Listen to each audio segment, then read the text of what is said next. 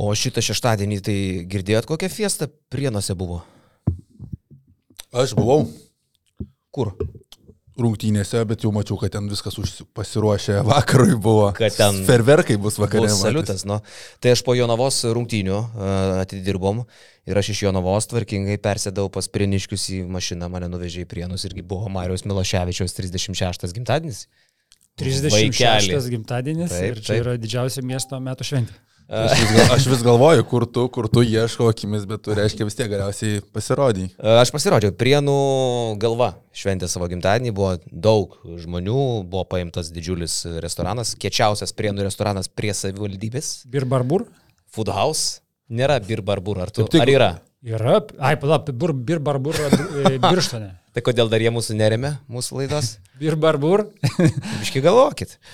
Klausas, kaip tik mano draugo Reunion kartu žaidžiam, tai jisai tą atidarė, kaunietis. Jo? Jo, Dovis. Labai gerai, žinok, buvo tokiam lygiai, kad netgi buvo apsaugos darbuotojas visą vakarą. E, Stovėjo tvarkingai, susirinko daug garbingų žmonių, reiškia muzikytė grojo. Žinai, iš ko galėjau spręsti, kad čia jau kažkas bus rimto vakare, kai pamačiau iš toli valandą prieš rungtynės Vipukę Edas Nickus, matau. Iš toli. Jau tada man viskas aišku, kad šiandien kažkas kitokio vyksta. Bet supranti, Edas Nickus, vat, kas mane šiek tiek laiko tiekmė yra vis dėlto per mažai vertinamas dalykas.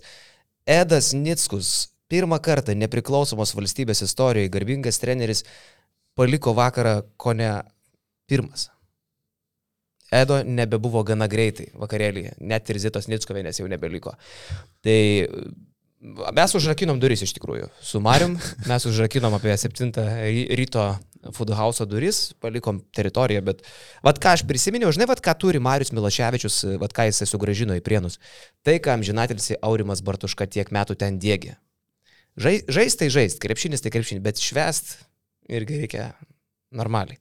Nu gaila tik tai, kad nelaimi skirtingai negu Bartuškos laikais prienais, bet jo. Viskam, viskam savas laikas. Taip. Ne, bet šiaip tai neįtikėtina. Marius Miloševičius švenčia gimtadienį ir atsiranda Grinevičius iš kažkur atsiradęs, Siaurusevičius iš kažkur. Visi, visi tie patys, bet kažkaip prienus atvyksta tą dieną. Man toks iš karto į vestuvės, mano, Nu. buvo, žinai, sugrįžęs. Žinai, jų tavo vestuvės. Jo. Ar žvagulio ieškau, O ne? nėra kokio mailing listo, žinai, kur krepšinio baliauninkai tiesiog užvadintas, tame vat mailing liste iš Krepšinio bičiuliai. Grinevi- Bičiuliai, jo, krepšinio bičiuliai. Edas Nickus, Grinevičius, Saursevičius. Bet visi tie patys, etatiniai, koks balius krepšinį bevyktų, tie patys veidai, metai iš metų, jie supranti, vat, vis tiek suranda vienas kitą, jie susijungia. O kalbant ne apie Bir Barbur, o mūsų kur kas aukštesnio lygio restoraną Momo Grill, mūsų partnerį, mūsų uh, dešinę ranką, mūsų maitintojus, uh, mūsų duonos uh, ir, ir, ir midaus uh, tiekėjus, tai Norim priminti, kad e, artėja didžiausia metų šventė visiems e, meilės fanams. E, Tai yra vasario 14. Ir Momo Grill, geriausias, kiečiausias restoranas visiems jautinos mylėtojams.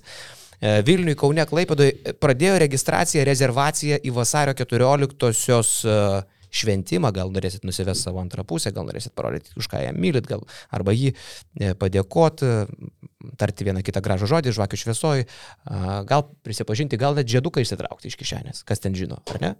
Tai vasario 14 dieną vyksta rezervacija į Momo Grill visose restoranuose, aš pats šiandieną užrezervavau datą ir laiką. Rezervavavai. Taip. Nes netgi meniu bus skirtas specialiai dviem žmonėms. Taip, vaikutį. Tai 18 val. aš jau ten gražiai Kaune, e, Karaliaus Mindaugo prospekte, e, sodinuosi gintarę prie staliuko ir, ir meluosiu visokius ten. Kas, kas, kas dalykus. nori ateiti iš karalio gauti parašiuką? Nu, yra prie manęs, aš- svarbu. Bent jau šitą dieną nelyskit. Ateikit, sugadinkit žmogui šventę, užknyskit gintarę, kad irgi vat, Taip. vyrą mato labai retai ir tai pamato ir tai lenda visokia. Tai ateikit, sugadinkit tą dieną. Ačiū tau labai, Jonai. Ačiū tau labai. O kur tu vesi, Indrė? Aš, aš kitą savaitę būsiu išvykęs, iš vis nebūsiu Lietuvoje. Ai, tu Lisabono įvesi ją kažkur tai Teisingai. prie stalelio. Va, kas dar yra nuostabu, Momo Grill kas mėnesį atnaujina meniu, tai manau, kad dabar jau vasario 6 irgi atnaujintas meniu, skirtingai negu kokį mes radom praeitą kartą ten viešėdami. Bet net ne apie meniu, meniu visą laiką pas juos yra nedidelis, kad tau neapsisuktų galva. Jie turi 4-5 pagrindinius patiekalus, kuriuos tu užsisakinėjai ir daug užkandžių, kurie irgi atnaujinami. Yra net ir desertų meniu, tarkim, jų panakota niekada iš desertų meniu nepasitraukia, nes panakota yra jų auksinis šedevras. Aš pats paragavau. Aš Esi mėgėjęs panakotos. Ne, neišsiplėsiu, nesu mėgėjęs, bet man buvo labai skanu. Aš suvalgiau ir Agniaus, ir Jono panakotas. E, Bet e, apie jautiną šnekant, tai jų jautinas nugarinė net atsiuntė informaciją. Pasirodo, jie brandina patys 80 dienų tą jautinos e, mėsą savo sauso brandinimo kamerose, o sauso brandinimo metu mėsa praranda apie 30 procentų riebalų, todėl jie patys atsirenka daugiau riebalo turinčią jautiną, e, kad brandinant neišdžiūtų, e, tiksliau, kad brandinant išdžiūtų riebalas, o mėsa per daug neišsausėtų, va taip man čia jie surašė. Ir pjausto porcijom patys e, nuo 300 gramų iki 800 gramų ir daugiau visi miestai - Vilnius, Kaunas, Klaipėda, Momo Grill restoranuose turi tą pačią jautiną aukščiausios kokybės ir e, manau, kad jeigu dar nesat apsilankę jautinos gerbėjai, puf, nueikit būtinai. Kainos irgi padorios, e, esu daug brangiau mokėjęs už e, visokius, iš tikrųjų, šūdus. Tikrai esu valgęs e, taip blogai jautiną, žinai, kur valgiau su gintarė katastrofiškai. Gali neminėti, gali. Berlyne. Siaubingai bloga jautina buvo. Siaubingai bloga. Tai gal kažkur nepataikė. Bet iš tikrųjų ir, ir, ir skanu, ir, ir šventiška, bet ir ne, neįpareigojančiai šventiška. Žinai, būna vietų, kur nueini ir kažkiek jautiesi. Tokie, viskas pernelyg sterilu, pernelyg... per- vietoje reikia. Restoranas, bet ne, ne kičas. Nesijauti, nesijauti kaimėtis beverlyje. Kažkaip labai svarbu, nes jo, ypatingai kažkam šventėm ar a, vasario 14 ar šiaip metiniam ar panašiai. Ne, nu vasario labai- labai 14 tinkama apsirenkit, vis tiek normaliai, nu neikit apsi, apsišykę. Nu, Bet kad man tiek- atrodo jau, jau į pabaigą vietos, ten reikia suskupti visiems. Taip, Taip tai supratau, kad jau ten aš šiandien rezervavau, tai sakė Kaune jau situacija prastesnė, dar paskutiniai gal rezervuositės, E, Vilniaus situacijos nežinau, Klaipėdoj, man atrodo, gal yra dar šiek tiek vietų likę. Tai va. Nu, kalbant apie prastas situacijas, galim keltis į Kauno sporto halę. Bet nusikelkime ten. Jo, penktadienis pralaimėjimas partizanai. Žiauru, jokių šansų neturėjom visiškai. Nuo pat pirmų minučių tas jautėsi. Kauno sporto halė jo jautėsi, jautėsi gal ir iš atmosferos kažkiek, kad buvo ap, aprimusi, bent jau per televizorių žiūrint, kad tyli ta atmosfera visa, bet, nu, tiesiog polimo nėra, tai mes jau kalbam, jau kurią savaitę ir atsitiko žalgiriui, dabar tu atsivarai kamalį ir nuo vidurio pradedi žaisti nugarai krepšį, nu, taip Eurolygoje nežaidžiama, taip nelaimima rungtynės, atsitiko žalgiriui, kad, nu, kuomet gynyba nepaeina, žalgiris polime tiek talento neturi ir Jeigu po Evanso kelias rungtynės pavyko laimėti, dar tuomet buvo Tayloras, tai viskas gerai, gal kažkiek biški mūsų užmygdė, dabar esame toje situacijoje, kurioje buvome sezono starte, kai Paulius Matijūnas tiesiog sakė, toli nesižvalgom, dabar turėtų ir žmonės kažkiek į realybę sugrįžti. Normali situacija, tu pasižiūri žaidėjus, pas mūsų komandoje dabar yra turbūt penki krepšininkai iš dabar žaidžiančių kurie būtų galbūt norimi Eurolygos kitų komandų ir būtų vidutiniokai. Visi kiti nėra Eurolygos žaidėjai, kurie kit, kitose komandose yra. Čempionų lygos krepšininkai, kaip aš sakau dažnai. Dabar aš Tu mačiau- Pasižiūri Dimšą, Birutį, na, Butkevičius dar ką tik irgi nebuvo Eurolygos žemėlapį joks žaidėjas. Tai Tai va dabar- čempionų lygos žaidėjas. Realiai, Ulanovas, Brasdeikis, Heizas, Šmitas ir Polonara, penki krepšininkai, kurie būtų vidutiniokai Eurolygos komandose. Ne vienas nebūtų ten, gerai, gal Ulanovas kažkur starto penkato žaidėjas galėtų būti, bet irgi tai nebūtų lyderiai.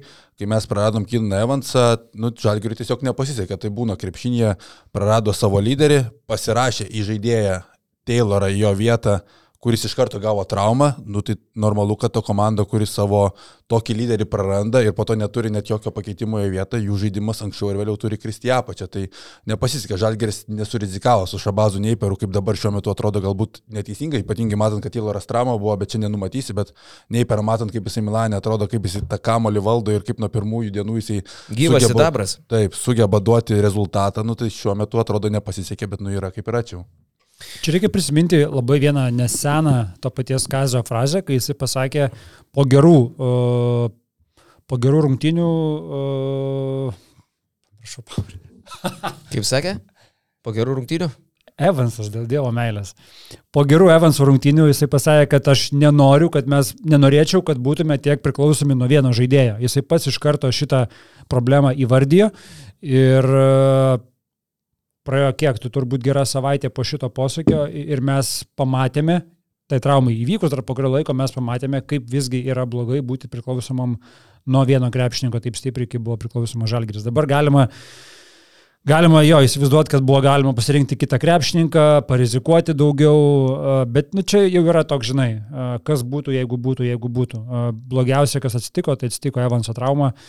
Ir sakau, kažkaip man tuo metu buvo ir žiauriai nesmagu dėl paties Evanso, nes žaidė savo karjeros krepšinį ir galimai būtų išsimušęs didesnį, geresnį kontraktą ir tuo pačiu dėl Žalgirio, nes uh, Akivaizdu tapo, kad be Evanso, kad ir kuo tu jį pakeisi šitoje stadijoje, Žalgiris kovos geriausiu atveju dėl playoffų, bet nereikia čia svajoti nieko, nieko daugiau. Tai aš vis dar galvoju, kad Žalgiris dar vis kovos dėl playoffų, nepaisant šito pralaimėjimo, nepaisant kaip šią savaitę su Baskonė baigsis po šitų rungtynių tą savaitės pertrauką, lieka 10 rungtynių pabaigti sezonui.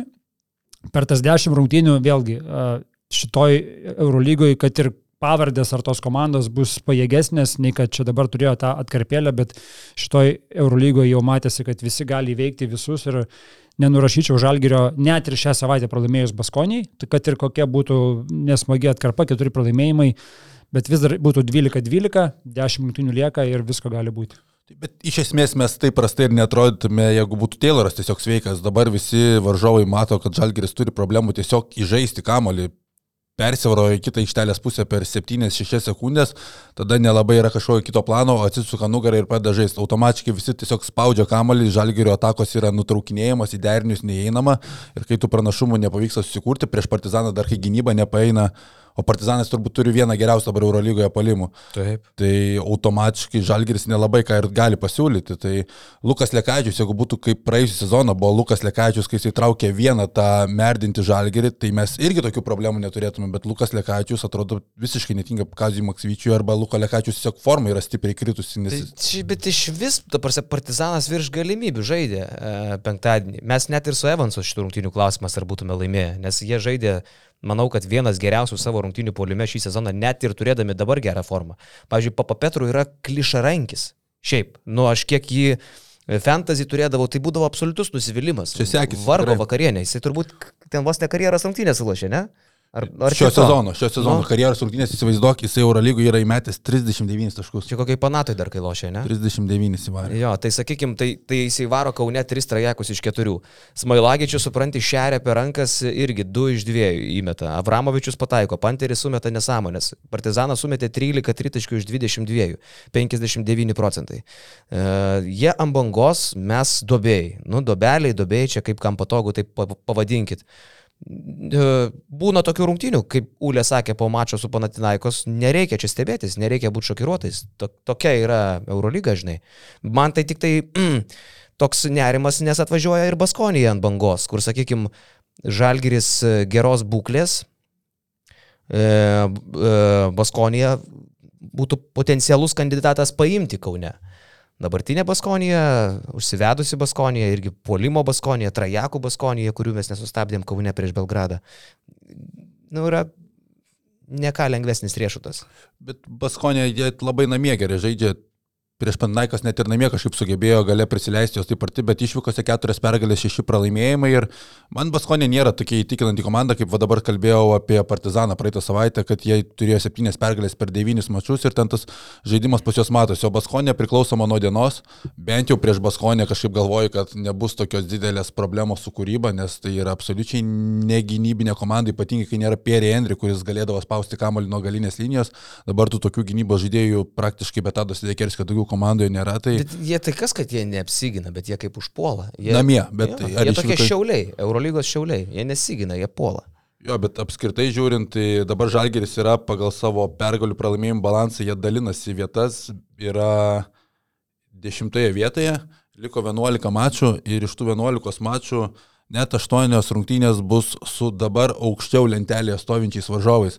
Tai reiškia, tik su vienu Belgrado partizanu antrajame rate yra sužaidęs Žalgeris, o visi kiti yra aukščiau Žalgerį. Tai tas tvarkaraštis negailestingas, bet kaip Jonas sako, dabar šito Eurolygoje reikia nežiūrėti, kada čia tu ieškai tų ekstra taškų ir panašiai. Dabar šiemet Eurolygoje bet kas bet ką gali nugalėti ir tiesiog reikia pagal tą Paulius motyvų tikslą, kiekvieną rungtynę žiūrėti ir bandyti iškovoti pergalę.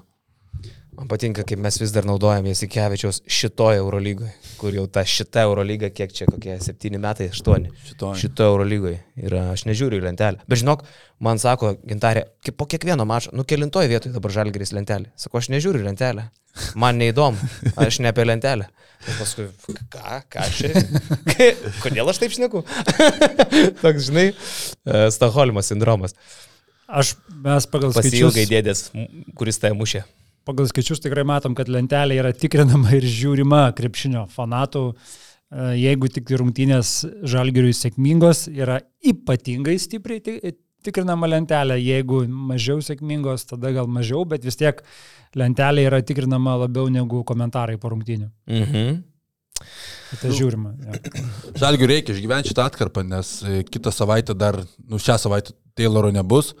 Tai su Baskonė mačas, nu tikrai tas įmamas, nesvarbu, kokioje čia formų bebūtų, nu, bet buvo įmamas su Partizanu, nes tai žiūrim kaip tiesioginė panenta, Baskonė tuo labiau. Ir tada savaitės pertrauka, Žalgiris, jeigu sugebėtų iškovoti kažkaip pergalę prieš Baskonę, laimėtų karalius Mindaugo taurę, tada automatiškai tas visas komandos vidinė būsina pakiltų visai kitą lygį. Mes kalbam, kad čia ta taurė nelabai svarbus, žalgės ar taip ar taip favoritas, bet automatiškai žaidėjams vis tiek tai yra pirmo sezono titulas. Tai, tai tą savaitę dar iškentėjus, grįžus Taylorui, tada galima vėl žiūrėti visai kitaip, kitomis akimis tą turnyrinę lentelę. O mes dabar jau pralaimėjo žalgeris keturias, ne? Su Jonavos. LKL. Jo, keturias šilės su Jonava. Aha. Ir šiandien Vilkai.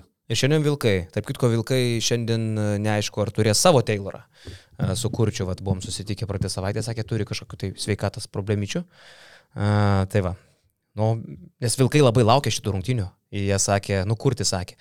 Paskutinį kartą, sako, pagavom žalgerį, tiksliau turėjom šansą. Nelaimėjo, bet ten penkiais gavo po irgi dvigubos Eurolygos savaitės. Tai jie labai laukia šitų rungtynių šiandien, nes po dvigubos savaitės, plus ne bangos, plus be Tayloro žalgeris, bet patys Vilkai ten gal to Tayloro neturės. Žalgiriui šiaip psichologiškai reikia nors reikia. kažką laimėti dabar jau. Nes, reikia ir užtikrinti laimėtų, nes iki pat paskutinių sekundžių žaidžiant. Man tai iš tos savaitės dabar, vat, kas įdomiausia. Dar, sorry, Janukai, žinai, vat, e, dar vat, apie Žalgirio tą psichologinę būseną. Čia ne tik tai mes šnekam, aš ir iš jų pačių girdėjau, kad po rungtinių su Panatinaiko, sako, jaučiasi, kad gavom per galvą šiek tiek. Patys žaidėjai tą sako. Nu, vat, būtent tas mačas su Panatinaikos šiek tiek davė per galvą. Natūralu, kai tu 40 taškų pralaimi antrą pusę, tu nelabai supranti, kas įvyko mm. ir tas per galvą yra. Tai šitos praėjusios savaitės, tai faktas didžiausias čia džiaugsmas yra dėl Ligno Brazdeikio ir man dabar yra įdomiausia, kiek jis gali išlaikyti tokį žaidimą, nes tas pirmasis mačas Onadol FS, taip, ten sumetė metimus, viskas gerai, tritiškus, bet antrajame mače dabar, kai su Partizanu žaidė, net ir be tritiškų susirinko labai solidžius skaičius 19 naudingumo balų, sprendimų kokybė irgi buvo neprasta, tai man įdomu, ar čia mes tą Brazdeikį matom, kuris gali būti stabilus, ar tai buvo tiesiog dar iššovimas, kokių mes matėme blikstelėjimų ir anksčiau sezone. Nepakeitai nuomonės apie Brazdeikį, nes e, gavai nemažai velnių po praeito podcast'o. Aš matai, aš irgi pasakyčiau, nu tai... Vydas Gedvilas skambino, sakė irgi, ką tu čia nusišneki. Su Partizanu Brasdeikis pradėjo labai solidžiai, iš tikrųjų ten keli nusimetimai, uh, turbūt visi trys asistai, jeigu aš gerai užfiksavau. Ir, ir buvo pirmam gelnį padaryti, jo. Bet iš, iš esmės jisai žaidė didžiąją dalį rungtynių kaip ir žalgeris atsilikdami stipriai.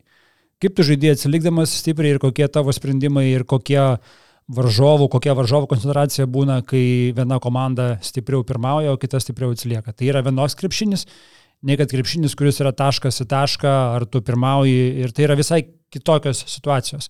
Tai aš labai tikiuosi, kad tai yra žingsnis į priekį Brasdėjai, kad aš už jį sargu, aš laikau čiūrus, kad taip ir būtų, Bet šitą savaitę, nu atsiprašau, bet man nieko neparodė, nes tai buvo pralaiminčios rungtynės situacijose, kuriuose komanda atsilikinėja stipriai nuo varžovų.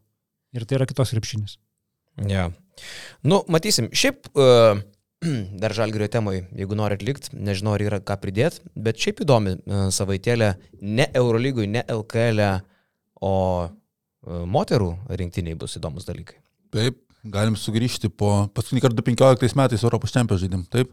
Taip, e, du- Lietuvos moterų rinktinė turi istorinę savaitę ir aš labai norėčiau, kad ir mes, ir krepšinio gerbėjai atsigręžtų į šešto dydžio kamolį, kurio žaidžia moteris ir, e, ir koncentruotųsi į ketvirtadienio ir sekmadienio rungtynes atitinkamai su Prancūzija ir vėliau su Ukraina.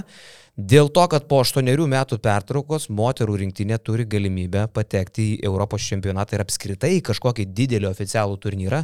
Šansas yra neblogas, bet jis yra blogesnis nei, nei kad mes šiek tiek užsiliuliavę, žinok, esam. Aš pradėjau nagrinėti situaciją. Atrankoje į šių metų, birželį, birželį bus, ne? Čempas moterų. Mhm. Europos, Slovenijoje ir Izraelyje. Atrankoje į čempionatą varžosi 10 grupių. Iš tų 10 grupių nugalėtojos, kiekvienoje grupėje 3 arba 4 komandos, nugalėtojos patenka į moterų čempionatą ir patenka keturios geriausios antrą vietą užimsiančios rinktinės. Tai mes šiuo metu esam su trim pergalėm ir vienu pralaimėjimu ir tarsi žiūrint į tą visą situaciją, mes garantuotai, jeigu užimsim antrą vietą, turėtume patekti. Bet pasirodo nesiskaičiuos pergalės prieš ketvirtą vietą grupėje užimsiančią komandą. Vat mes liekam, tarkim, antros, ne? Ai šitaip, nes Nesiskaičiuos Kalba buvo, pergal- kad nesiskaičiuos to tų grupių, kur trys komandos žaidžia. Tai va dabar man atrodo, kad ten neturėjo bendro sprendimo ir dabar sugalvojo tokį Būtent, padaryti. čia, lab, čia žinok, čia absurdas. Čia toks yra pasakų pasaulis. Aš tokios nesąmonės dar negirdėjau. Net mūsų šalies krepšinio federacija iki galo dar, nu čia kažkaip taip, taip, anaip, čia ką tik pasakė, kad taip, čia dabar jau taip, orientuoci- orientacija, kad pas mus grupiai paskutinė vieta, kas ten užima, nepamenu. Suomija. Suomija. Mes du kartus nugalėjom Suomės, mūsų pergalės prieš Suomiją nesiskaičiuos, jeigu mes liekam antros ir e, ieškom savo vietos tarp geriausių antrą vietą užimsiančių, užim- užimsiančių komandų.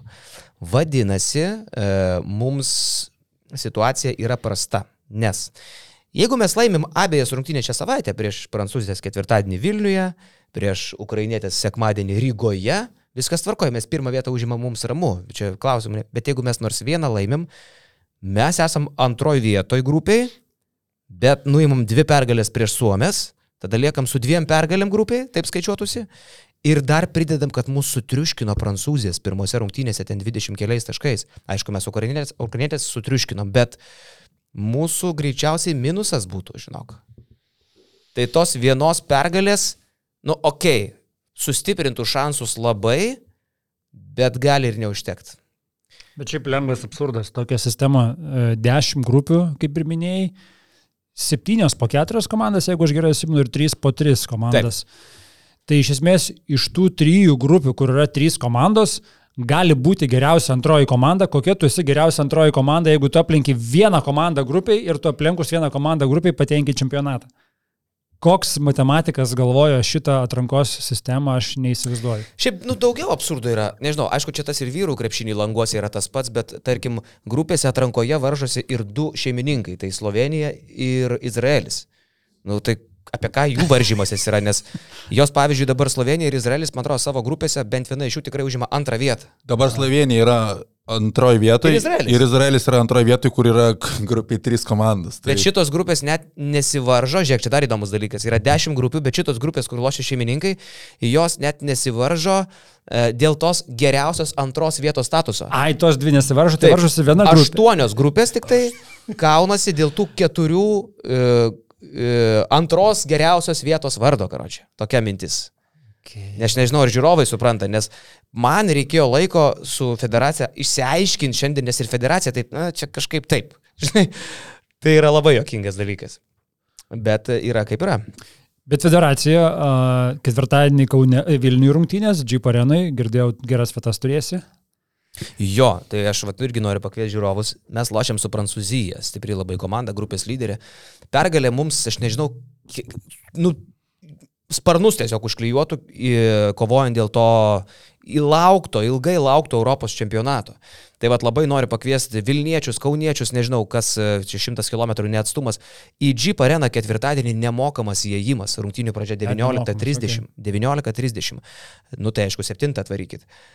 E, daug dalykų, dėl ko reikia, kad žmonės ateitų. Pirmiausia, istorinis šansas, Lietuvos vėliava, uh, daino šokį estradą, norisi padėti merginom. Kitas dalykas yra ką pažiūrėti. Vėl stipriausia mūsų sudėtis ir Labutskienė, ir Juškaitė, ir e, Jocytė, ir aišku Petronytė. Petronytė, tarp kitko, uh, jai trūksta penkių taškų, kad taptų antra rezultatyviausia visų laikų Lietuvos rinktinės žaidėja.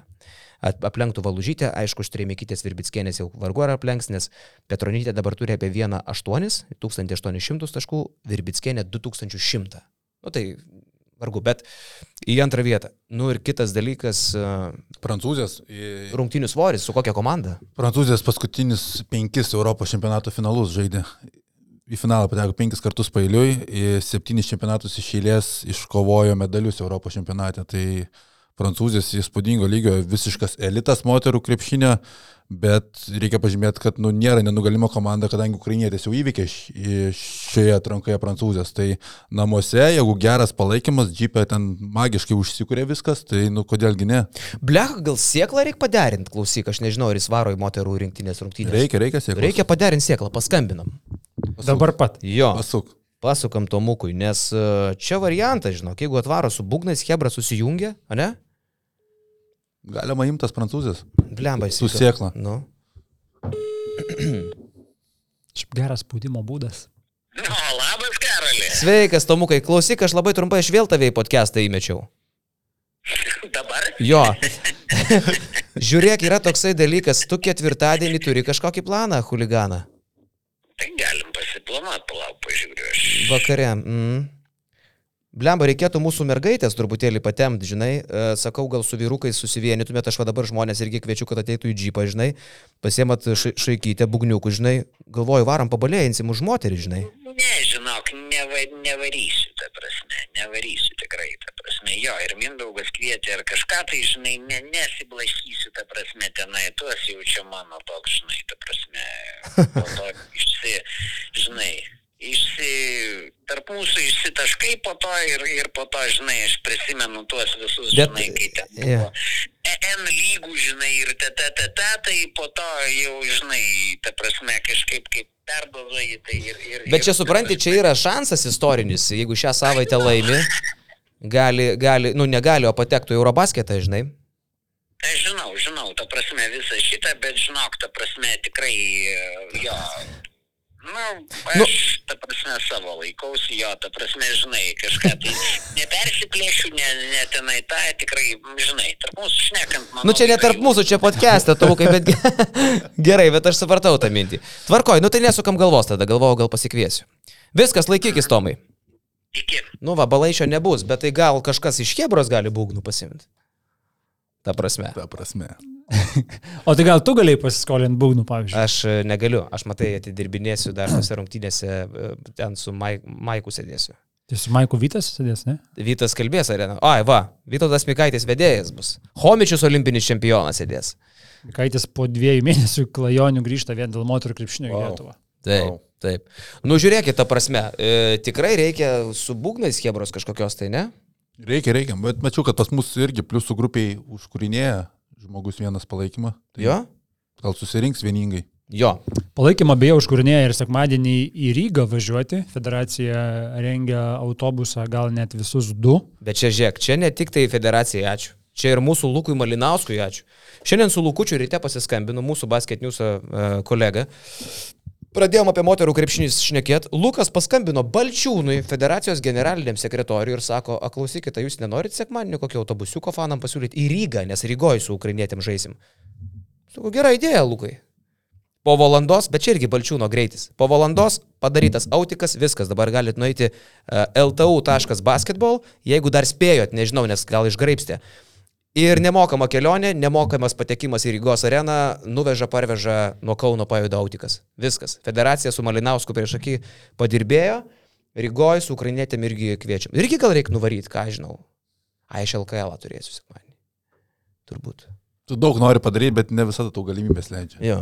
Bet ketvirtadienį bus arena. Taip. Garbingose vietose. Taip, šalia Homičiaus ir Gedvilo. prezidento. Labai gerai. Taip. Tai va, tai, tai važiuokit, e, registracija į sekmadienį vyksta ltu.basketball. Taip. Ir dar vienas labai trumpas anonsas. Šią savaitę Kaune Žalgirio arenoje žais ir ukrainiečiai. Atvyksta dar kartą, antrą kartą atvyksta Slabožanskės Prometėjai komanda žaisti Europos taurės rungtynių. Prometėjus yra priverstas savo išvyko, savo na- namų rungtynės žaisti ne Ukrainoje, tai žaidžia Rygoje, bet e, porą kartų, kada Rygos arena yra užimta, dėl to jie atvyksta į Kauną. Kaune Prometėjus bus šeimininkai šį trečiadienį. a, Atvažiuoja Liublianos, uh, olimp... čia 9 olimpija Čia su Zdovcu? su Nesdovcu, bet uh, Zoranu Dragičium. Zo... Jo, Nu, Zdovcu ten nėra? Zdovcu. Ne. Kažkaip man. Buvo su Šaru ten 2000-aisiais, gal Zdovtas, žinai. Ai, tai aš dar tuose laikuose. Jo, jo. Nes man nuo 2000 Zdovcas nebeegzistuoja. Buvo sugrįžęs kaip šmėkla pernai, bet dabar vėl. Jo, dingo. supratau. Tai va, trečiadienį rungtynė Žalgirio arenoje, biletai LT platformoje yra biletukai, nuo 9 eurų biletai, manau, tikrai e, nekainuoja labai didžiulių pinigų ir e, palaikyti visada verta. Jie. Yeah. Nu ką, vyriukai, a, tokia vat savaitėlė mūsų laukia, o šiaip tai mūsų dar čia, ką žinau, čia dar laukia kažkokie dalykai, ne? Ne, tai pirmiausia, tu pasirodai, ką, ką iškovojai. Nu gerai, tai fantazijas LT čia vas pas mus vėl. Važinką laimėjau. O taip, va. Ačiū labai visiems. Reabilitavaisi po praeitą, ne? Taip. Mūsų nuolaidos kodai suveikė, nuolaidos kodą Karolis, pasirodo spaudė daugiausiai žmonių, vedė ir aš laimėjau vat, e, tokį super prizą, nežinau, kaip tai patiks gintariai, dar ne apie jį negirdėjau. Kas čia jau nudraskė mano važinką? Jau kišo Lekai. nagus kažkas. Čia dantų žymės, kažkaip atrodo. Žodžiu. Tai va, tai, tai toksai dalykas, nu, o Fantazijos LT pasitinka Meilės dieną vasario 14 ir čia yra uh, seks, seksvento kalendorius. 14, 14 dienų, 14 dovanų, tokioj vadžiai. Žodžiu, visokie tai bairiai čia sudėti yra žaisliukai, kosmetika, nežinau, kokia sekso kosmetika būna, numerikantai, apatiniai, visokie skausmo dalykai, ten žnyplytės kažką. Nu, žodžiu, 14 dalykų ir a, vyrai, mes ir vėl kalamės dėl naujo prizo O tarpusavio. kokie buvo dabar rezultatai? Stipriai laimėjai. Nežinau, tu gal Instagramą panaudojai? Baros kem 3, kem 2, o aš savo neminėsiu. Oba. Nes tarpiniai tai buvo mano labai akivaizdi persvara. Mano buvo 3-5 gal procentai. Jo, kažkas tai. O paskui tu kažkaip pasivėjai. Tai kažkaip čia Jono balsai tau nuridėjo, man, žinai, aš likau prie savo procentų. Aš kaip ir sakiau, jūs gaunate tik protesto balsus, aš taip aiškinu. Nesutikčiau. O šį kartą aš prašysiu paguodos balsų. Nes Ir šitie... fantazijos, tarp kitko, pagodos jau atsiunti, seniai. Ačiū, ačiū. Tu kaip Gražios kojinės, kojinės kalbėjai ir Aš- Uber liubė. Aš, vat, bet aš gavau viską, apie ką aš kalbėjau. Aš pirmoji laidoje kalbėjau, kad perkam koinės, antroji kalbėjau, kad perkam Uber liubę, trečioji perkam, bet neperkam, dovanojam man su kodu Miklovas štai šią dovaną. Iš, iš, tiesiog iš gailėšio. Iš gailėšio, kadangi jau viską vyrai gavo ir Labai vienas ir kitas. Nu, pagail... Aš ją net pasipošiau, pažiūrėkit, irgi prisiderinau. Ryte nuėjau į kirpyklą, kad netrodyčiau kaip bomžas, kaip po praeito podcast'o kažkas rašė. Tai, žodžiu, viskas yra daroma, kad tik tai šitą šir širdelę parnešti į namučius. Tai kaip tavęs gailėt, papasakok žmonėm. Veskit nuolaidos kodą Miklovas. Tiesiog taip, Miklovas. E, aš tai, tiesą sakant, šitas dalykas man visai prie širdies būtų, bet aš žiūrėjau, jis nedaug ir kainuoja, 80 eurų, fantazijos LT. Tai čia rinkinys, e, kuriame 14 dovanėlių, toks tikrai čia kalendorius, atsidarai ir e, e, įplėši kartoną ir išsitrauki dovaną. Tai toksai va reikalas. Tai aš primenu, kad yra nu- nuolaidos kodas Karolis. Nu, aš naudosiu kitokią dabar a, taktiką. Jeigu norit, įveskit nuolaidos kodą Karolis. Tai, tai. Tokią neagresyvę šį kartą naudoju, žinai. Nu, tau nelabai gal reikia, tu čia dabar iškovoji didelį prizą. Važinką laimėjau. Šiaip man tai irgi gailėšio reikia kaip ir Jonui. Aš Valentino dieną sutiksiu ligoniniai, Ai, tavo operuots man nusipirkti. operos nosį. Dieve, kokie jūs Tai- esate. Mes esam labai tvarkingi žmonės, ką. Tai aš galiu tau padovanot, vat, vienas, jeigu sutiksi. Šit, šitą vad padanosit, čia tas gailėsis, ne, nueis.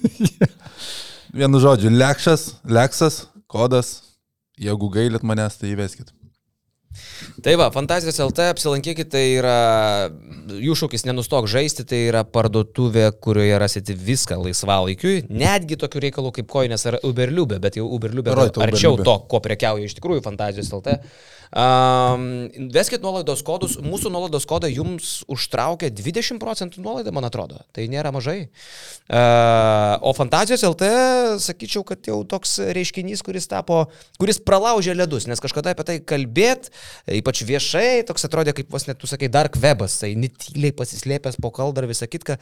Bet fantazijos, aš galvoju, kad išdrasino, išlaisvino mūsų šalį, parodė, kad uh, skirtingai negu sovietiniais laikais, kad seksas iš tikrųjų egzistuoja, kad e, žmonės kažkodėl pasirodo kažkaip patys neatsiranda, o dar ir paįvairina jūsų gyvenimą tuo, kad tai nebūtų tik tai, e, kaip mano mačiutė sakydavo, sako vis dar gyva moteris, kišt, myšt ir viskas. Tai, ir, tai žymiai aukštesnio Iš lygio. pradžio, kai mes šitą pradėjom e, reklamuoti ir pradėti, pradėjom kalbėti per podcastus, šiaip bijojau, kad galbūt iš tos baimės ir žmonės net neves to kodo ir niekas neis, bet kaip suprantu, tie skaičiai visai tvarkingai suvažinėjo mūsų kodais. Aš nežinau, žinok, Tai. Apyvarto sakė, kad nemažai pravarė. Iš- Įkočiojo, ne? Nu.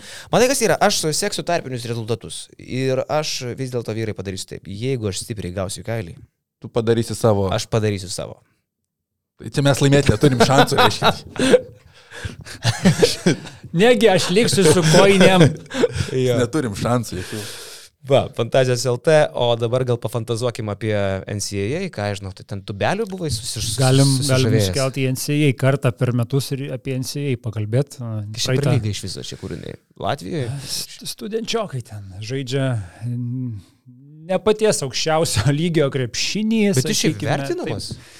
Tai žinai, vertinamas yra tuo, kad tai yra, yra talentų kalvė. Šiaip ir taip a, talentingų žaidėjų ten būna, tik tai kai jų yra tiek daug, reikia suprasti, kad yra, yra ir kažkiek nemažai mažiau talentingų žaidėjų. Arizonos treneris girdėjau, tubelį palygino su Domantu Saboniu. Ir Nes- sakė, kad įsitikinęs, kad tubelį žais NBA. Arizonos treneris buvęs, a, a, dabartinis treneris yra buvęs Sabonio treneris Gonzagui. Tas Taip. pats, tas pats žmogus. Nėra nieko keisto, žinai, kad treneris taip atsiliepia apie savo auklėtinius. e, NCA tai yra pakankamai įprasta treneriam taip kalbėti apie savo žaidėjus, nes akivaizdu, kad ir treneriui, ir universitetui yra didžiulė, didžiulė garbė, kai jų krepšininkas e, yra pašaukiamas NBA. Iki to prieisim, bet iš esmės Ažalas Tubelis sumetė 40 taškų, tai pasiekdamas e, panašu, kad uh, tų galtinių duomenų neturim, bet labai labai panašu, kad yra visų laikų Lietuvos rekordas. Kiek ieškojom, nieko panašaus nesam radę, kad lietuviai žaidė NCA būtų tiek taškų įmetę. Uh, Domantas Sabonis turėjo 36, Linas Kleiza turėjo 33, dar Misūryje žaisdamas prieš uh, 20 metų. Tai tokie skaičiai, kurie atrodo labai spūdingai, 40 taškų bet kurio lygoje suversti, tai yra labai stipru. E, Ir atsispindi tai kažkiek ir tai, kaip pats Ažalas yra vertinamas Amerikoje. Jis dabar yra vertinamas tarp 20 kandidatų tapti geriausių NCAA metų žaidėjų. Yra ten Okay. okay. pakankamai trumpas sąrašas, 20, 20 žaidėjų, 20 kandidatų į šitą apdovanojimą. E, Dar ten įvairiausius apdovanojimus, ne, nebejojama, kad jisai turbūt bus ir geriausias konferencijos žaidėjas.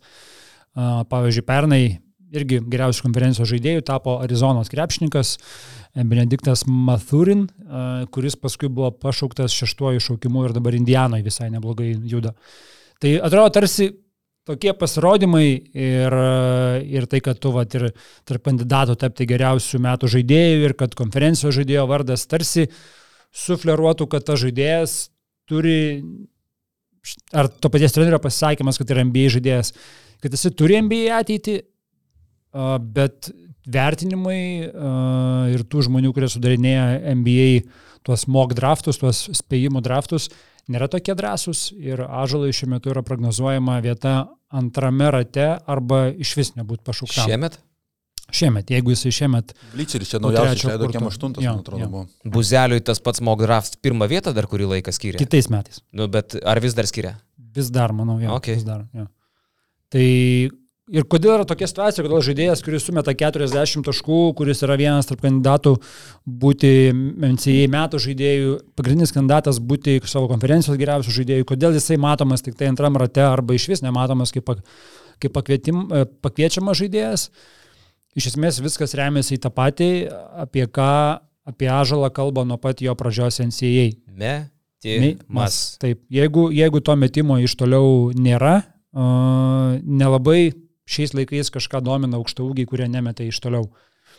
Ir uh, peržiūrėjau labai nemažai uh, būtent paties Ažalo žaidimo epizodų. Polime. Apie polimą žiūrėjau, bet iš esmės 22 išmesti tritaškiai per visą sezoną iš uh, 358 metimų. Tai kiek čia 6 procentai, 7 procentai visų metimų yra tritaškiai.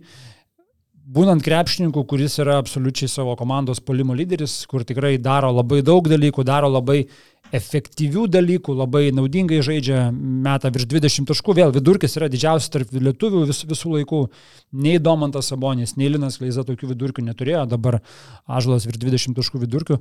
Bet iš esmės jisai viską verčia iš pokrepšio. Absoliučiai vis, visi taškai, pažiūrėjau, iš iš tų 358 metimų 298 8-3 procentai metimų yra iš pokrepšio. Tai be pigų, kai tu stipresnis gal už savo bendramžius dar esi, žinai, o paskui jau kai ateini vyrų krepšinį ir sutinki tos pačius kūnus, kas ir valančiūnų vėliau atsitiko, ne, nu jis savo amžiaus grupiai būdavo stipriausias ir dominuodavo, vyrų krepšinį jisai geras, bet jis nelaužo taip žmonių kaip jaunimo lygiai, kad laužydavo. Jo, jo, tai sakau, 8-3 procentai yra įspūdingas, įspūdingas skaičius, kai tu tiek metimų padarytumai iš pokrepšio, net ne iš būdos aikštelės, o grinai iš pokrepšio būdos aikštelė toliau atsitraukus, tų metimų dar kažkiek yra, bet e, kuo toliau nuo krepšio, tuo ažalas praktiškai nemeta. Aišku, yra tų privalumų, yra labai minkštos rankos, labai greitos rankos, jis pats bėga irgi į polimą greitą, dažnai užbaiginėja atakas. E, lietuviškais masteliais atletiškumas geras, bet įmant MBA masteliais, kaip tik sako, jam trūksta atletiškumo. Uh, tai sakau, žiūrint labai dažnai ir tai, kad jis yra stipresnis, didesnis, jam kovo mėnesį su jais 21 metai, NCA vėlgi daug žaidėjų, didžiausi talentai yra pakviečiami po pirmo kurso, po antro kurso, po trečio ar po ketvirto kurso jau pakankamai nedidelis procentas krepšininkų būna pakviečiami naujokų biržai. Tai Ažalas jau, jau ir čia yra vyresnis lyginant su kitais savo oponentais. Tai kiti oponentai vėl, žiūrint, matos ne tik tai uh, trūkumas uh, jėgos, bet ir to paties supratimo, gynybos, maudomas, maudoma tokiose situacijose, kur bežiūrint, man yra nesuvokiama, kaip kažkas Amerikoje gali lyginti NCAA ir Eurolygą. Nu, jokingi, jokingi tokie lyginimai, kai tu pažiūri, kokiose situacijose sugriūva NCAA gynybos nuo pakankamai elementarių dalykų. Tai kažkiek primena Domantą Sabonį, iš tikrųjų ir tai, kad yra rankės, ir tai, kad uh, Tai judesiai po krepšių yra gana platus ir, ir kantrybės daug, ir tos rankos, sakau, švelnios, bet iš esmės mažiau turintis uh, ginklų uh, negu Domantas. Domantas visgi platesnį arsenalą polime turinti žaidėjas. Aš taip pagalvojau, gal jisai Janą Veselį labiau primena, ne Domantą Sabonį, kur irgi nemetantis iš toli, atletiškas ir veidų gali palošti, ir iš vidutinio gali pataikyti, bet tai nėra jo ginklas, o pagrindinis ginklas baudos aikštelė - jėga, greitis, greitos rankos. Nėra su Veseliu daugiau panašumų negu su Domantu. Veselis, matai, jis MBA atvažiavo net kaip trečias numeris. Nu jo, bet tik tai, kokį dabar mes Veselį matom. Šiaip su Domantu aš matyčiau panašumų, nes realiai Domanto metimas irgi nėra kažkas tokio šiemet bet per 50 rungtynių išmetė 63 taškų, tas procentas 36. Tubelis. Geras procentas 36. Tai tubelio, tubelio virš 40 šį sezoną, bet labai mažai metą.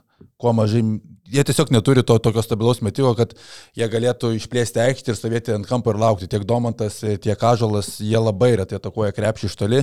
Panašumas yra tame, kad jie labai gerai jaučiasi atviroje aikštelėje, bet tubelio situacija man kažkiek primena, kai būna moksleiviai krepšinio lygoje greitai subrendęs žaidėjas, pastatomas į penktą poziciją, jisai dominuoja tarp savo bendramžių ir po to tu kažkaip pradedi nebetobulėti, nes tau ir taip gerai gaunasi. Tai dabar atrodo, kad tubelių gerai gaunasi ten, kur jisai yra, dominuoja baudos aikštelėje prieš žymiai silpnesnius oponentus, bet automatiškai tada tu netobulini kitų savo judesių. Tai čia gal ta problema ir būtų, bet... Redikas Čižauskas jaunimo lygiai, būdami didesni už kitus, irgi dominavo. Jo, o dėl tubelio MBA, tai aš man atrodo, kad labai abejočiau dėl jo perspektyvų. Tas pašaukimas yra turbūt dėl to, po trečio kurso tave mažai šansų, kad pašauks aukštai arba iš viso gali nepašaukti dėl to, kad tavo lubos jau yra žymiai aukštesnė negu tave, kai kviečia po pirmo, po pirmo metų studentų krepšinėje. Tai šita vieta, bet galvoju, kad man, man gal gaila dėl to, kad jisai atrodė, kad kai auga, jisai gali būti projektuojamas ketvirtoje pozicijoje. Dabar jis tapo absoliučių centrų ir nepanašu, kad kažkur būtų dėtas žingsnis, kad tu galėtum būti ketvirtas numeris šio laikiniam krepšinėje. Jeigu metimo neturi, ką daryti? Žiūrint iš mūsų, tai testuoti tikrai dirbi, bet sakau, kai tu gerai jautiesi šitoje aplinkoje, tu net nedirbi su metimu, nes tu gali įmesti 40 taškų NCA, būdamas dabar ten, kur ir esi. Bet žiūrint iš Lietuvos rinktinės perspektyvų iš mūsų, tai kai tu matai tokią užimtą penktą poziciją ir vis lauki, kada tas ketvirtas numeris atsiras tikras ir matant, kokios, kaip tubelis pavertė savo krepšinį ir tapo grinų centrų, tai čia atrodo, kad nebus kažkoks pastiprinimas į tą ketvirtą poziciją. Nežinau, gal tai jo karjerai ir nebus blogai, gal jis gali, gali turėti gerą karjerą Europoje, bet kalbant apie iš rinktinės perspektyvų, nu, tai tubelis nebus ketvirtas numeris, reikia su, su, suprasti. Kulboka vis dar, ne? Ketvirtas. Kulboka ketvirtas, jo, tikras padarytas. Na, nu, žinai, tas, tas tikras, tai dabar jau nebeaišku, tas krepšinį, kas tas trečias, kas ketvirtas kartais, tai, tai tiesiog tas pats žaidėjas. Tai treti tapo ketvirti realiai. Taip, taip, ja. tai čia. Kažkaip nesinori, kad tai skambėtų labai neigiamai ir kad mes, ir kad čia aš galbūt taip nutikiau, kad Ažalas Ažalas nebus to aukščiausio kalibro žaidėjas, ko galbūt iš jo buvo tikėtasi kažkada, ar tarkim ten MBA neturės didžiulės karjeros, ar turės labai menka, bet aš galvoju, kaip ir Jonas užsiminė, Europoje jis tikrai gali turėti gerą karjerą. Eurolygos žaidėjas tikrai laisvai. Tikrai, tikrai įgūdžiai tokie, kad Europoje, Europoje jis gali turėti labai gerą vidurio polėjo karjerą, nes žiūrint, kad ir paskutiniu metu jisai NCA daugiau žaidžia penktų numerių, judesiai, mobilumas, rankų valdymas, sprendimų prieimimas, greitis, tikrai jisai šitos dalykus turi ir Europoje gali būti labai solidus žaidėjas. Mhm.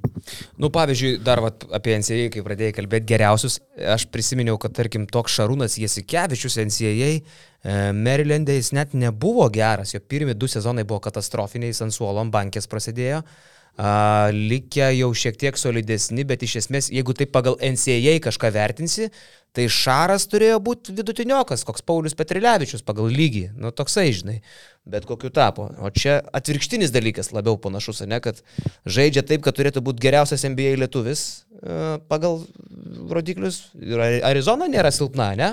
Topinis universitetas. No, ja, bet, bet prognozijas niūrios, žinai. Nors gal bičias, nu, kaip, žinai, gal bičias Kaip žiūrėsi, žinai, nes tu, jeigu žiūrėsi... Ko tu tikiesi? Nu, jeigu... mock draftą turiu menį ir NBA, NBA prognozijas.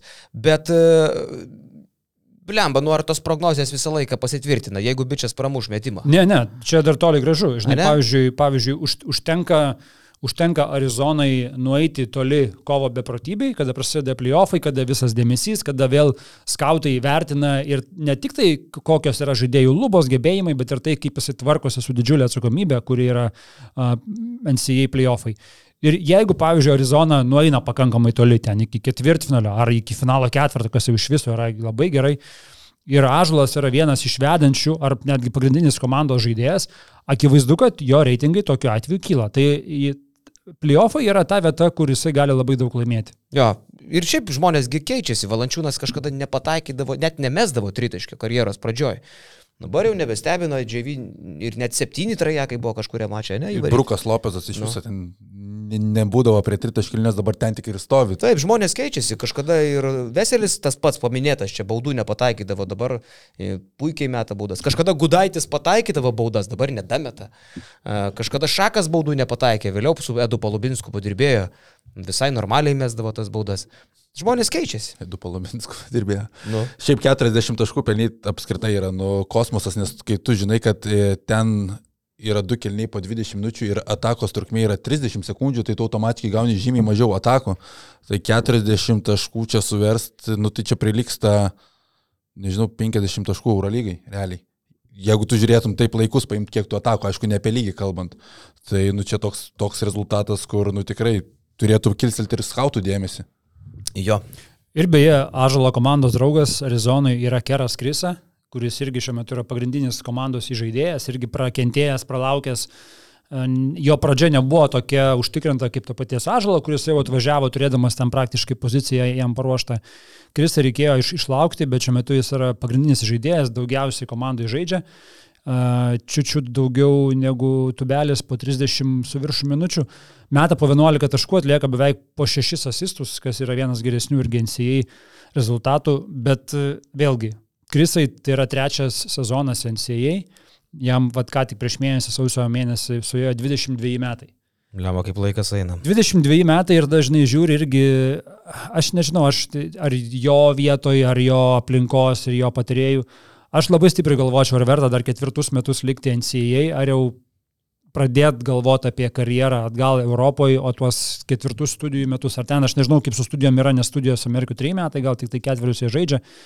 Už, užsibaigti, svarbu, aišku, diplomas, svarbu mokslai, turėti šitą dalyką ateičiai, bet uh, galvojant apie asmeninį tobulėjimą, aš manau, 22 metų NCAA žaidėjas jau, jau, jau yra, kur turėtumai galvoti apie kitus žingsnius.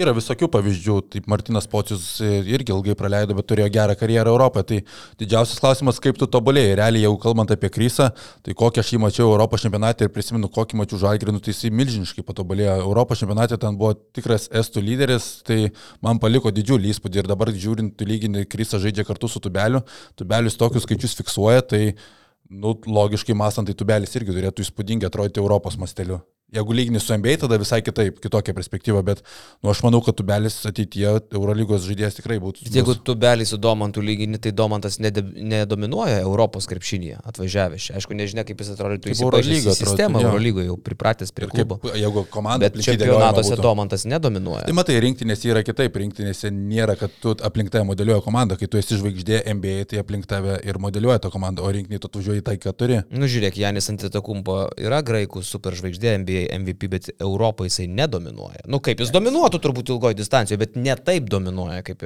kaip ten atrodo Kyburgas. Taip, bet dabar Europos čempionatė Janis po 30 taškų metė. Mhm. Po 30 metė. Jo, tai tam buvo rezultatyviausias čempionato žaidėjas. Tai... Ne, kad jis rezultatyviausias tai viena, bet po 30. Jo, jo, 28, 29 ten mažas skirtumas. Aš jo, kai su, palauk, graikų mačą žiūrėjau gyvai. Prieš čekus. Jo, taip pat, o, sakau, dabar pažiūrėsim ant tų kumpo, žinai. Vis gintariai sakau, čia geriausias pasaulio žaidėjas ir niekaip nesugebėjau čia įrodyti, kodėl, nes jis nieko nepadarė. Ne, tai ten čekai išstatė savo sieną. Penkiese no. atsistojo vienoje zonoje. No, tiesiog ten naudoja neįlinę gynybą. Bet šiaip apie Grisą kalbant, aš labai žavi jo visą charizmą, jo, jo, jo visas, visą asmenybę ir kaip, jisai, ir kaip jisai bendrauja po rungtinių ir turbūt yra didžiausia priežingybė priešingybę Ažalui, kur Ažalas yra labai mažai kalbantis, toks tylesnis, ramesnis, kur net treneris, kuris dirbo tiek su Domantu Saboniu, tiek su Ažalu, paprašė jo palyginti šitos du lietuvius. Sako labai lengva.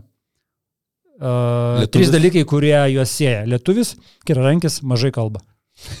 Visi trys šitą turi. Visi du, abu du, du turi šitos. Tai čia nuo Arvido laikų šitą lietuvį turi. Kai Arvidas mus visus pagimdė, tai taip tokie mes ir esame. o Krista pamačio sako, Aš sako, nesuprantu, jisai pelnė 40 taškų, jeigu būčiau kažką tokio įmetęs aš, sako, aš visiškai būčiau kokią nesąmonę padaręs. Sako, jisai ramus sėdi savo. jo, tai turbūt galim pavažiuoti prie paskutinės rubrikėlės, irgi pasidariau, mes savaitgalį basketiniuose pradėjom daryti į užsienio lietuvių savaitgalis, kur viename tekste yra visi lietuviai tą dieną žaidžiantis, šeštadienį ir sekmadienį du atskiri tekstai. Ir reikėjo rankiotis šeštadienį, kur kas žaidžia, pasižiūrėjau ir kas sekmadienį žaidžia lietuviai, tai biškiai atsivėrė akis, kai mes Lietuvoje kalbam, kad 12 komandų mums yra per daug, nes tiesiog lietuvių žaidėjų yra trūkumas. Bet tu pažiūri, kokiuose klubuose žaidžia kai kurie lietuviai ir kokie yra lygio, tai man atrodo yra pagrindinė problema ne 12 komandų, o pinigų klausimas Lietuvoje, nes kai tu žiūri, išvažiuoja į Rumunijos lygą, ten Vokietijos e, antros lentelės pusės žaidėjai, jie, jie ten žaidžia ir yra aukšto lygio krepšininkai, kurie galėtų būti tikrai LKL vidutiniokės komandos žaidėjai. Nu taip, Paulių Petrilevičių įtraukė kažką ar neėmė tų, kurie žaidė LKL šiemet? Surinkau 12 žaidėjų, neskaičiuojant tų krepšininkų, kurie šį sezoną žaidė Eurolygoje, Čempionų lygoje arba Europos taurėje. Tai mes iš tokių gauname Jokubaitis, Edekerskis, Gedraitis, Gudaitis, Grigonis, Dimau, čia Eurolyga. Aha. Ir tada Europos taurė Čempionų lyga Milaknis, Kulboka, Gebenas, Bendžius, Olisevičius, Kuzminskas. Tai čia jau gauname 13 žaidėjų iš čia kurie kaip ir teoriškai galėtų tik toms topinėms mūsų komandoms, kurie Taip. galėtų būti įpirkti. Tada Taip. neėmiau į tą dvyliktuką, mano nepateko, kur aš bandžiau sudėlioti logišką komandėlę. Tokie žaidėjai kaip Čižauskas, Matskevičius, Ivanauskas, Tubutis, Kulvietis, Petrilevičius, Pažėrai ir ten daug dar kitų, kurie okay. ten apatiniai lentelė irgi tikrai laisvai rastų vietą. Mhm. O jų neėmė kodėl? Nes jie nepatenka iš šitą dvyliktuką tiesiog, kur aš. A, jie tiesiog lieka už jo, to dvyliktuko ribų. Lieka už dvyliktuko okay. ribų. Geri. Pradedam nuo žaidėjo. Į... Čia startiniai penketą dabar išdėliuosi, ne? Pozicijom, pozicijom. Gerai. Žaidėjai. Arnas Velička, Vokietija 12 taškų 7,5 asisto. Vokietijos lygui. Taip. Vaidas Kariniauskas pradėjo sezoną Bambergė, dabar žaidžia Rumunijoje, Rumunijos lygoj, kur, nu, atrodo, nu, su Rumunija tai tikrai galim pakonkuruoti, bet toks Vaidas Kariniauskas žaidžia Rumunijoje. Nėra lengva su ta Rumunija pakonkuruoti, aš atsimenu Donatas Tarolis, kai išvažiavo, Ten dabar ir yra. ten dabar ir yra. Blemba, minėjo jis tą sumą, ten nebuvo kosminė suma, bet, bet es, apie 10k gal. Bet mhm. esmė, kad, nu, rytui tu per prastas už tokius pinigus, ne, tu jau nori mokėti daugiau, o geram, e, tarpsia, tam klubui, kur tu būsi geras, čia gerokai per daug pinigų, nes tarkim kokie, nežinau, imkim jau normalų klubą, šiauliai, 10k jie duoda lyderiui, žinai, tokiam konkrečiam, nu, ir tarolis, 10-12k atlyginimas. Tai vad sakau, pagrindinė problema Rumuniją. Lie- Lietuvoje pinigų nėra tokių, kad žaidėjai tai tikrai pakankamai, tu, tu 12 komandų, bet pinigų tiesiog nėra, tai čia Nu. didesnė problema. Taip. SG. Paulius Valinskas, Adrijos lygoje tarp dominuojančių žaidėjų, nežaidė jokiame to- Europos turnyre, nepateko čempionų lygio Bet. Železnikas, aš taip įsivaizduoju, jam kokie 12 kavalkų tai seka. Apie 10. Apie kažkas 10. tokio Irgi. Nu tai irgi, nu, nėra kosminiai pinigai šiaip. Vat Valinskas už tokius pinigučius, bet vėl, nu, nu turbūt, kad jo, turėtų jau, rytas Lietkabelis žinai- turėtų jam tiek mokėti. Tu prisimeni, Valinskas žaidė Lietkabelį ir iš Lietkabelio išvažiavo, sužaidęs tikrai gerą sezoną ir Europos turėjai išvažiavo į Belgijos lygą. Išvažiavo todėl, kad sakydamas, kad čia iš rinkos nepasidariau jokios Belgijai, tada pamatė serbai ir dabar iš Serbijos lygos, Adrijos lygos jau jis yra žymiai matomesnis ir sako, kad kitą sezoną tikrai žais Europoje kažkokiam turnyre. Mhm. O ką, e, kiek jis renka Železnikė, Adrijoje? Tiksliai neturi, bet ten 16 gal taškų. Jo, žinai. kažkas, aha. Buvo ir lap, lapkričio mėnesį MVP, man atrodo. Bet aš bandau suvokti tų lietuviškų klubų mąstymą, ne? Tai jeigu tu gali už tos pačius dešimt atsivežti legionierių ir žinai, kad tas legionierius bus gero lygio, tai gal jie dėl to taip ir renkasi, kad jie atsiveža geriau kažkokį tai amerikietį, kurio mokesčiai bus mažesni ir tas dešimt žaidėjų gausis, aš nežinau, čia dabar šaudo, bet ten tarkim 13 ar 14 su mokesčiais, Taip. nei kad lietuvis ten tas pas 10 gautųsi 15 ar 16 su mokesčiais. Mhm. Gal, gal, gal ir tai groja. Ir tu žinai, kad atsivežęs tą legionierių, jis gal tau net daugiau duos negu tas lietuviukas, kurio galimybės tu pakankamai gerai žinai. Nu, rytas galvoja, kad Varadis daugiau duos negu Kariniauskas, bet šį sezoną matosi, kad nu, Kariniauskas pernai tikrai daugiau davė, vien pridedant, ką Rūbinį duodavo Kariniauskas. Žinai, kas, kam labai tiktų tokios formos valia? Vilkam, k- kuriem kaip tik trūksta ir metančio, ir gynėjo. Idealiai. Ir čia už tuos pinigus jis tikrai ten loštų. Jeigu Krisui moka ten 12 kavalkų, tai čia, supranti, už 10 jis būtų Lietuvoje, tikrai neloštų Jis želės. būtų tiesiog dar vienas adas. E, dar vienas adas, bet ten jie neturi daug pataikančių. Nu, jiems šiaip reikia tokių, žinai. Tai jiem gynėjų grandy dar vieno tokio reikėtų. SG pozicija toliau tęsiant, Laurinas Beliauskas Vokietijoje 15 taškų vidurkis, Vokietijos aukščiausiai lygai. Ignas Argiūnas Vokietijoje 11 taškų vidurkis. Tai gynėjų linija Velička, Karniauskas, Valinskas, Beliauskas, Argiūnas man skamba labai stipriai. Mm. Lietuvos mastais. Tada e, Sušinskas su Mikalausku. Aš žinai, aš pabandysiu padėlioti, kiek tokia komanda kainuotų. Okay? Gerai. Man net vat įdomu, vat kiek realiai kainuotų tokia komanda. Pabandyk sudėlioti. Lietuviška. Ok, tu sakyk. Bet čia turbūt jau sumokėšis, reikia skaičiuoti, kiek čia viskas. Nu, dėsiu į rankas paskui Okay. okay. mokesčių žies. Velička Kariniauskas. Kas? Nieko. Velička Kariniauskas. Lauk, rašausi. Aš viską atsimenu. Gerai. Nepergyvenk, aš tiek metų krepšinį pradirbęs. Tai SV pozicija pas mane Sušinskas su Mikalausku buvo kaip Klausyk, pamiršau jau. Va tiek turiu pradirbęs metų. Valyčka Kariniauskas, Sargiūnas, Valinskas ir Belevičius. Taip? Beliauskas. O Laurinas Belevičius nėra pas tave? E, Paulius Beliavičius gal. Paulius Belevičius tai yra. Mm, Gerai. Laurinas Beliauskas. Kaip jis lošia Beliauskas dabar? Sak 15 taškų Vokietijai. Kokia komandėlė? Skylineris, Norm, man atrodo. normali. Frankfurt. Skylineris, čia Eurolygos klubas. 2-5 buvo. Okay.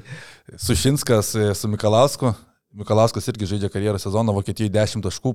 Neptūnas kažkada jį paleido, tai įdomu, kokia dabar būtų jo rinkos kaina, bet jis LKL standartais, man atrodo, būtų vidutinės komandos starto penketą lengvasis kraštas. Koks Miklauskas? Arūnas. Blemba, aš per miglą jį tik atsimenu. Tai jisai buvo labai jaunas, išvažiavo ir pradėjo lipti savo karjeros laiptais. Okay. Jis Olandijai pažaidė neblogai, Jo. ne? Aukštam lygiai. vis- Nu, aukštam, tapsme, aukštai pats pasirodė Jo. neblogai. Sušinskas tai drožė vėl yra, ne? Chemnicija. Mhm. Ir tada sunkiai kraštai Tarolis e, su Soroku, Paulius Sorokas jau ten, nežinau, Jis vis, nebaigė karjeros dar savo. visam, visam žinybę žaidžia Italijoje, Italijos aukščiausiai lygų 10 taškų vidurkis. Bet Čia man Sorokas tai yra žmogus mistika. Jis gavęs Lietuvoje ten rinką. nepalošė, Jis ten o, rinką gavęs yra. o Italijoje va. Bet Sorkas nemažai metų ir antrojo lygų žaidė, ne? Žaidė jis per ten, savo rinką pasidarė ir dabar per Italijos klubus aukščiausios lygos keliauja ir ten visą laiką turi savo vaidmenį. Mhm. Nu ir centriukai, centriukai rimčiausi, man atrodo, ir kainuotų labai normaliai. Tai Marekas, Sajus ir Kupšas. Tai čia trys centrai, kurie, nu, Tai skupša, tai tu iš Taivano ten her ištrauksi dabar. nu, Kupšas dabar jau įperkamas tik tais vilkams būtų turbūt. Nu, kupšas. Kokią. Nu, lemba, jis gerai gauna Taivane. Bet manau, į Lietuvą už kokią 12 parvažiuoti. Ten sezonas trumpesnis. Jo, jo, jo. Ok, metu šaibas dabar. E, Marekas Sajus Kupšas, žinai, ko man nepatiktų tokia priekinė linija. Žiauriai vienodi žaidėjai. Sajus mobilus. Nu, Sajus bet nepataikantis nei vienas. Gerai, imu. Uh, kupšas, nu dabar kiek aš jam duočiau? 10 Lietuvoje ir važiuok čia. Sajus 12, turbūt panašiai gauna. 10 Lietuvoje. Marekas, manyčiau, 12, visi pinigai jau čia realiai permokų, biški. Taip. Ką apie tai pasakytų Mareko agentas, kažin. E, taip. Tu seniai kokį 12. Tarolis. Apie ką mes kalbam? Nu, taroliui, lemba, 8,5. Vat, pažiūrėk, Tarolis. Už pažinti 9. Tarolis e, vietoj Masiulio. Rytas, 500 atgal rytas laisvai imtų. Tarolį vietoj Masiulio užsmerkęs dabar rytas pasimtų. Eik, tu be kalbų. Sorokas, uh, lemba, neįmu aš Soroko. Nu gerai. Uh, Kulvietį vietoje paimtum, ne? Arba Jo. Petrilevičių. Jo, bet jie negalimi pas mus pagal. Galimi, nes Kulvietis irgi nežaidė nieko, jis su Saim komandai. Kulvietė šimu. Nu, kulvietis blemba yra 10 turbūt, ne? Jo. Čia tokius paėmės, va čia ir yra tie žaidėjai, Vat, ma, jau net žiūrovas turėtų jaust. Aš vardinu sumas ir kaip, nu, kulviečių tai viskas tvarkoja, bet kaip ir geras žaidėjas, bet kaip ir gaila tiek pinigų mažiukam klubui. Ten, va, dėl to nėra beliekiek vietų, Lietkabelį, Vulfs. Tai va, tam ir esmė, tie mažiukai klubai turėtų būti didesnės organizacijos, kad jiems nebūtų tai daug mokėti lietuviams. Ar- Arūnas- vėl, kas, kas yra mažiukas klubas, dar va reikia šitą, žinai, apsibriežti. Realiai dabar Lietkabelis. Mažiukas klubas, aš to galiu pasakyti. Žiūrėk, Lietkabelis dabar klubai nuo yra- ketverto ribos. Nuo Juvės iki Pasvalio tai yra mažiukai klubai. Bet Bet ar- Garždų ir Labas Gasnėjimų tai yra mi miniatūriniai Bet klubai. Lietkabelis Aš sakyčiau, gal, gal, gal yra daugiau lentynų, žinai. Lietkabelis dabar yra šeštas ir va jeigu imam pirmą šešetą, okei, okay, su žalgiriu viskas aišku, su rytu irgi daugiau mažiau viskas aišku, tada jeigu būtų keturios, nu, okei, okay, vilkai, vilkai su rytu, okei. Okay. Bet jeigu būtų, pavyzdžiui, keturios komandos tos tokios labai ryškios antros, trečios lentynos - Utena, Jonava, Panevežys, Šiauliai arba Klaipeda, ne? kur, kur tų pinigėlių jie turi kažkiek daugiau. Kažkiek daugiau negu dabar jie gali sauliaisti. Bet jeigu tos keturios komandos, ar net penkios, jeigu skaičiuojam Klaipėdą, turėtų kažkiek trupučiuką daugiau pinigų, tai būtų visai kita rinka ir tokie žaidėjai rastų vietą Lietuvoje. Jo. Tu čia 12 žmonių paėmė. Nu, tai čia žinok, aš dabar visus perinu akimis, nu, vidurkis e, tokio žaidėjo atlyginimo vidurkis būtų apie 10, įmam, kad tenai vienas daugiau, kits mažiau, gal 9. Tai tokia komandėlė kainuoja apie, va tai, kad tu išvardinai, e, prieš mokesčius apie milijoną, 100 milijoną 200 sezonui, su mokesčiais tokia komandėlė. Gerai, čia dar dėrėsi lietuviai, visą kitką. Su mokesčiais tokia komanda apie pusantro lemą, aš sakyčiau. Daugiau bus. Mokesčiai Lietuvai Daugiau yra? didesni. Bus arčiau 2 milijonų. Jo, nu tai brangoka. Treneris Dainis Adomaitis. Brangoka. Bet pavyzdžiui, Treneris, administracija, dar kiti kaštai, nu čia apie 3 milijonų biudžetą turbūt kalbam komandos, kurie surinktų tokius. Tai reiškia, kad Liet... krepšininkus. Liet... ką norėjau parodyti, kad Lietuva turi rimtų žaidėjų tikrai. Time out pasisiot, labai geras. Net nesapsimyšiu, tu tu vis stiklinės išgėriau. Nu, ačiū tau, Lekšai, klausyk, čia superinis tavo pasiruošimas laidai yra. Ačiū. Tai čia basket, sakau, savaitgaliais dabar atsiradus rubrikėlė, tai visus kviečiam užeiti, pasižiūrėti, kur kokie lietuvių žaidžia ir kaip jiems sekasi. Šiaip labai gera rubrikė, rubrikėlė, tiesą pasakius, nes skaityti kiekvieną atskirą naujieną, kur tau rūpi tik tai realiai tik tas vienas žaidėjas, o tu ten turi įsijungti naujieną, o čia įsijungi vieną naujieną ir jie visi surašyti, kaip kas pasirodė labai trumpai, aiškiai, taip kaip dabar žmonės mėgsta skaityti. Labai seniai nesakiau šito dalyko, bet noriu pakviesti žmonės tapti mūsų pliusais. Ta pliusų bendruomenė didelė ir mes taip prie jos jau įpratę, žinai, kad čia faktas, kad yra ir tiek žinių ir net nebešnekam apie tai. Bet iš tikrųjų prisijunkit prie tų 4600 žmonių didžiausia visų laikų krepšinio prenumeratorių auditorijos. E, turinio tik tai daugėja, tik Čiaponė girdėjau nuiminėjai su straipsniais. Jis dar nežino šito. Nieko nežinau apie tai, negaliu komentuoti. Gerai. Vagi. Ne, ne, jeigu rimčiau nieko nenuminėjom, gal tiesiog trupučiuką pakoreguosim tai, kas yra rašoma. Žinai, va čia mes turim gerą ir auksinę progą. Žmonės komentaruose gali parašyti, mes negalim pamatuoti, kiek Čiaponio e, straipsnius pliusai mėgsta ir skaito ir klauso.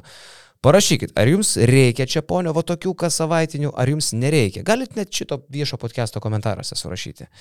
Bet ir pasižiūrėsim, kaip žmonės tą vertina. Visai įdomu. Ar nuimti ar nenuimti, gal toks labiau klausimas yra, ne? Ne, netoks klausimas.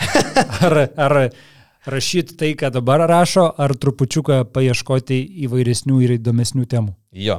O aš noriu padėkoti mūsų milašiams, tai yra didžiausiams remėjams, kurie net 50 eurų remia basket news'o e, nusikalstamą veiką. Taigi, e, Milašiai yra tokie, ir aišku, prasuko dabar iš čia. Mindaugas Vepštas, Sports News LT, Marius Milaševičius, UAB Mačiūnai, žmogus, kuris pats vadino tiesiog taškas, jisai nenori būti identifikuotas.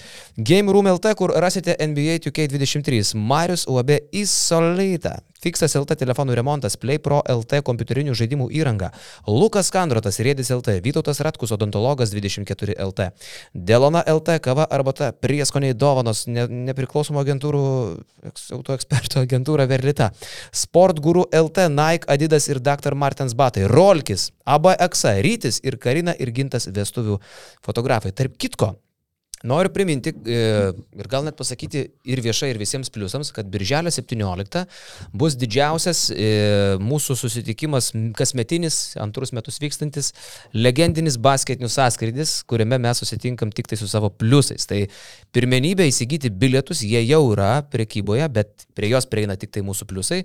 Teikiama Milašiaus paketo turėtojams ir e, Wow paketo turėtojams, tai yra mūsų didžiausiams Jiems pliusams. buvo teikima pirmenybė, nuo šiandien jau visi pasiekė. Absoliučiai visi. Va taip, tai vienas pliusas gali atsivežti keturis nepliusus į a, mūsų susitikimą. A, jeigu kokie nors pliusai nesusiorientuoja ten kur kas, gal kažko negavę ar ten neradę kvietimo e, nuorodos, kur pirkti e, bilietus į mytą, tai parašykit mums, Jonas Eta Basketinius LT. E, ir va, ir birželio 17 e, fiesta, žemėnos, nesvarbu kur, E, žodžiu, bus labai gerai. E, Tai va, Puikiai, Karali. gerai varom, ne? Informacija išdalinai. Tai va, mes susitiksim dar kartelį, tiksliau jau Lukas mane pakeis ketvirtadienį Q&A podcast'e, o kitą savaitę palsėsim. Aš išvykstu, Lekšas operuojasi, Karoliui iš, Karolį išleidžiam palsėti. Tai visus mes tai savaitėliai. Jo. Ir Q&A podcastai tik tai pliusams, dar galvoju, kad kiti gal šito nesuvokia. Tai ten turinys, kur jau Jonas būna, kad ir nusirengė, esu matęs laidų, kur sėdi tiek tiesiog plikais peneliais. Ten aš taip sėdžiu, bet ten nebūna fantazijų, ten būna tik tai mes ir pliusai. Bet įsikabini tuos uh, skausmo zbitkas tas. Viskas, ate. Iki. Sveikas, čia balai šį seklą. Dabar prasme, tai nėra kažkoks tai reikalavimas iš tavęs, nu, bet tai daugiau mažiau. Dabar prasme, palaikink tą patį podcastą, ten paprenumeruok kažką, tai tam tuo pliusu, tai tokie pabaigai gal niuansai.